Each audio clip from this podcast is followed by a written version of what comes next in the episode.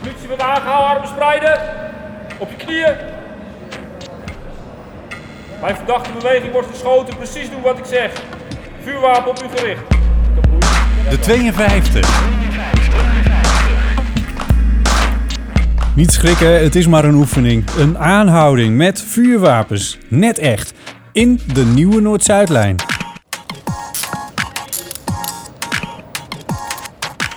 Welkom bij De 52. Mijn naam is Botte Jellema en De 52 is de podcastserie van Metro en Tram Amsterdam over de Noord-Zuidlijn, lijn 52. Nog zeven weken vanaf het moment dat ik deze aflevering maak en dan gaan de metro's rijden op 22 juli 2018. De testprogramma's draaien volop en ook de hulpdiensten zijn aan het oefenen. In dit geval politie samen met handhavers. Een stuk of tien mannen en vrouwen en een instructeur. De eerste oefening. Iemand wordt in de handboeien geslagen. Politiemensen en handhavers oefenen nu met elkaar hoe en waar je daarna zo iemand kan afvoeren vanuit het nieuwe metrostation onder CS. De slagpin is onklaargemaakt. De trekkerstang is afgevlakt. Dat wil zeggen dat als je de trekker overhaalt, dat hij niet de slagpin activeert. En eh, de loop is eh, massief, dus er kan niks eh, uitkomen. Het grote verschil voor de vuurwapendragers, we hebben ook blauwe oefenwapens. Daar kun je wel mee schieten. Als je daar een houder, de blanks en de verfpatroon, nou goed Michael. Maar als je dan een echte houder erin doet, dan wil uh, zeggen dat je een oefenwapen kun je alleen oefenmateriaal mee verschieten. Nee, ook scherp kan dan uh, afgaan. Alleen dan. De loop is iets smaller. De loop is smaller gemaakt zodat het projectiel er niet uitkomt. Dat is een veiligheidsmaatregel. Alleen, ik hoef niet uit te leggen, de ontploffing vindt in het wapen plaats en dan heb je tutende oortjes en een zwarte hand. Uh, eerste opdracht. Je hebt iemand aangehouden, dus je doet de handboei om en je gaat hem vervoeren via de roltrap naar boven. Maar dan moet je het toch een beetje in de context plaatsen. Ik hoorde nogal iets over mensen die een beetje verward, zeker vervelend zijn. Je hoeft niet te vervelend rol te spelen, maar positioneer hem nou even op een plek op die roltrap. Dat je al uitgaat dat hij al lastig is. Het, het vechten zo laat ik even nog weg. Maar gewoon eens positioneren boven. Ben je boven die roltrap, dan gaat hij ook weer via de andere roltrap naar beneden. En dan maak je hem los. Dan doen we twee rondjes. Het steekt een andere persoon in het midden. Opdracht helder? Het klinkt eenvoudig, maar er komt best nog wat bij zo'n aanhouding kijken. De oefening is onderdeel van een groter programma over hun werk op dit soort locaties. Ochtends hebben ze bijvoorbeeld het incident van een aanhouding op het Haarse station Holland Spoor besproken. In 2012 hield een agent daar een 17-jarige jongen aan, waarvan werd gedacht dat hij een vuurwapen bij zich had. De agent hield de jongen onder vuur. Die maakte een verdachte beweging en de agent schoot. De jongen overleed later in het ziekenhuis. Hij bleek geen wapen bij zich te hebben gehad. Het leidde tot een rechtszaak en de agent werd ook bedreigd. Het is om veel redenen een situatie waar een agent alles aan zal doen om niet in terecht te komen. Je ziet nu ander gedrag. Positioneren nu naar de zijkant. De agenten en de handhavers voeren hun collega in deze oefening geboeid af op de roltrap. Ze plaatsen de neparrestant met het hoofd over de leuning, zodat hij geen kant op kan. Het metrostation is nu nog leeg en dat geeft ze de unieke kans om hier een arrestatie in alle rust te oefenen. En dat is wel zo handig, want een metrostation heeft zo zijn eigenaardigheden. Grote punt waar je moet opletten met de roltrappen, dat valt hier omheen, maar ook in heb je halverwege nog lexaanwandjes. En als je denkt, hij is vervelend, druk hem tegen de zijkant aan en die komt bij de Lexaanwand. Dus zorg dat hij weer even bij tijds... Uh, je hebt als agent en handhaver de verantwoordelijkheid voor de arrestant, zo vertelde de instructeur mij.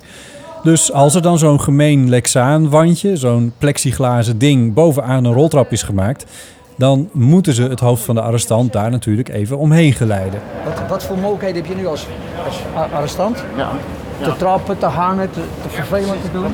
En wat we nu pogen is dat jij gewoon aan de zijkant, kan aan de zijkant staan. Kijk, weet je dus dat je één, één man deze kant op plaats, anders zit hier neer. Ik kan hier nog vasthouden. Ja, precies. Wel meer bij, bij kijken. komt eigenlijk iets meer bij kijken dan ik dacht. Kom, juist, kijk hier. En dan de tweede oefening.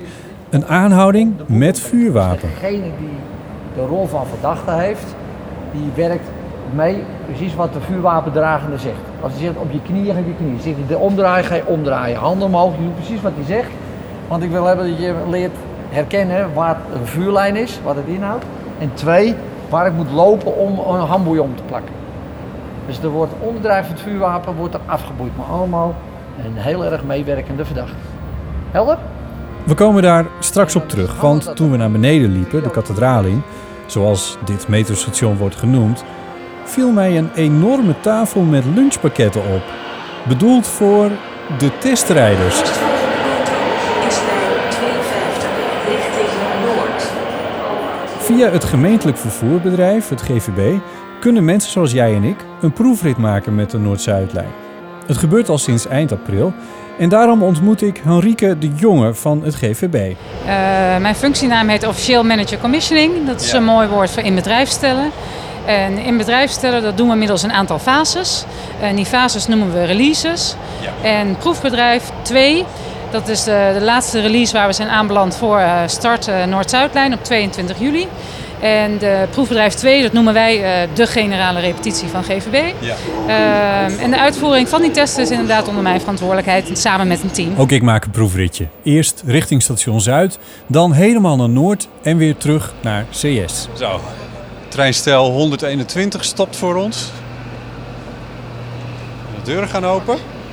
Dit is dan wel een momentje. Dit is voor de eerste keer dat ik daadwerkelijk in een metro stap die op de Noord-Zuidlijn eh rijdt. Naar alles wordt gekeken, van bebording tot veiligheidssystemen en van dienstregeling tot servicemedewerkers.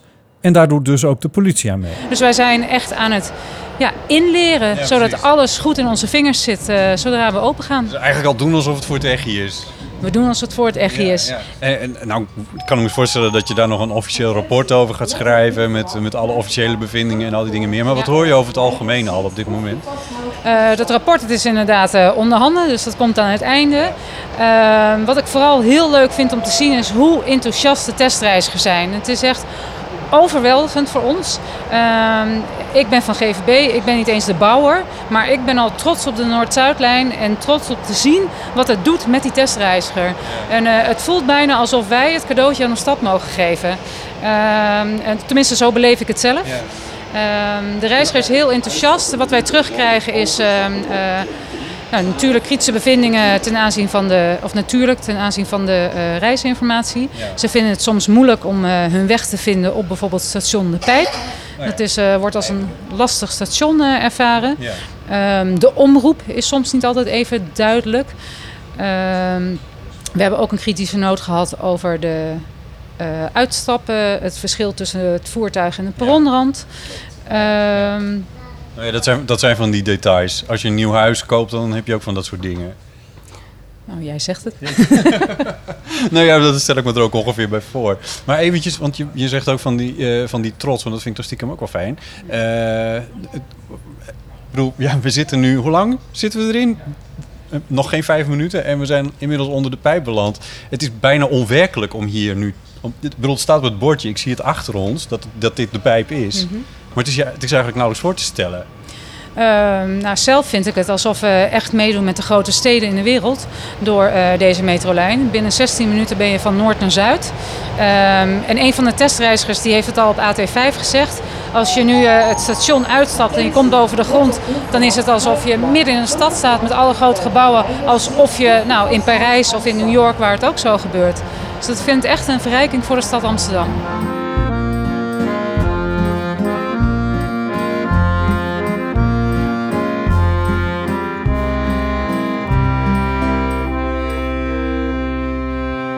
Vanaf Centraal Station zoeven we onder de stad door.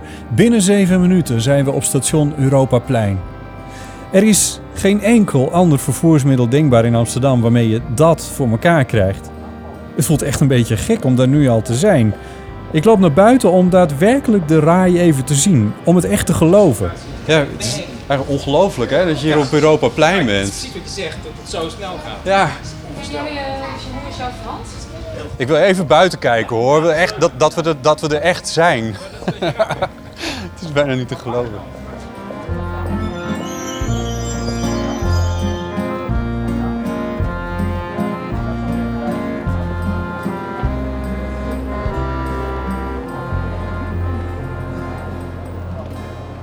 Beneden, bij het Centraal Station, zijn de politiemensen en de handhavers aan het oefenen. Met echte neppistolen.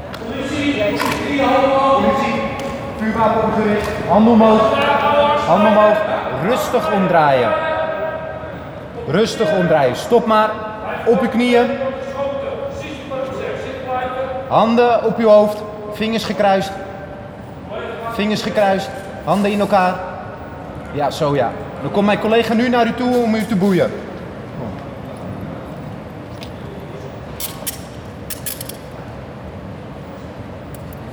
En wanneer jij ze gelokt hebt en jij zegt ik heb controle, dan zeg je dat tegen mij en dan leg ik mijn vuurwapen. Collega ik controle. mijn vuurwapen weg. Ja. Er wordt vriendelijk naar de voorbijrijdende metro's gezwaaid voor de zekerheid. Want de GVB-bestuurders hebben, als het goed is, te horen gekregen dat er een oefening is. Maar de vorige keer had iemand zijn mail niet helemaal goed gelezen. En die was zich dus doodgeschrokken toen ineens een politieman zijn vuurwapen trok. Politie wordt aangehouden, armen spreiden. Op je knieën. Bij verdachte beweging wordt geschoten. Precies doen wat ik zeg. Vuurwapen op u gericht. Ik kan boeien? Ja, kan.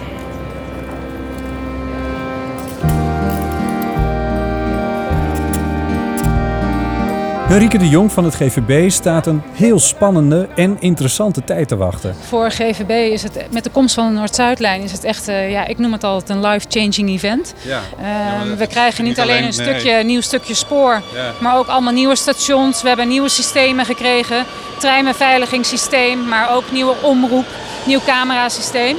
Trams gaan anders rijden, ook nog. De trams gaan anders rijden. Eh, dus voor de Noord-Zuidlijn, ja, als we er straks gaan rijden, dan.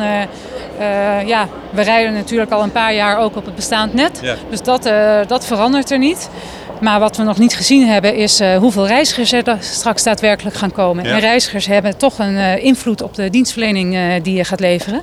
En de opklap, omklap op het bovengrondse net, ja, dat wordt wel spannend. Want dat kunnen we niet oefenen van tevoren. Nee, nee. dat nee. moet in één keer goed. Ja, precies.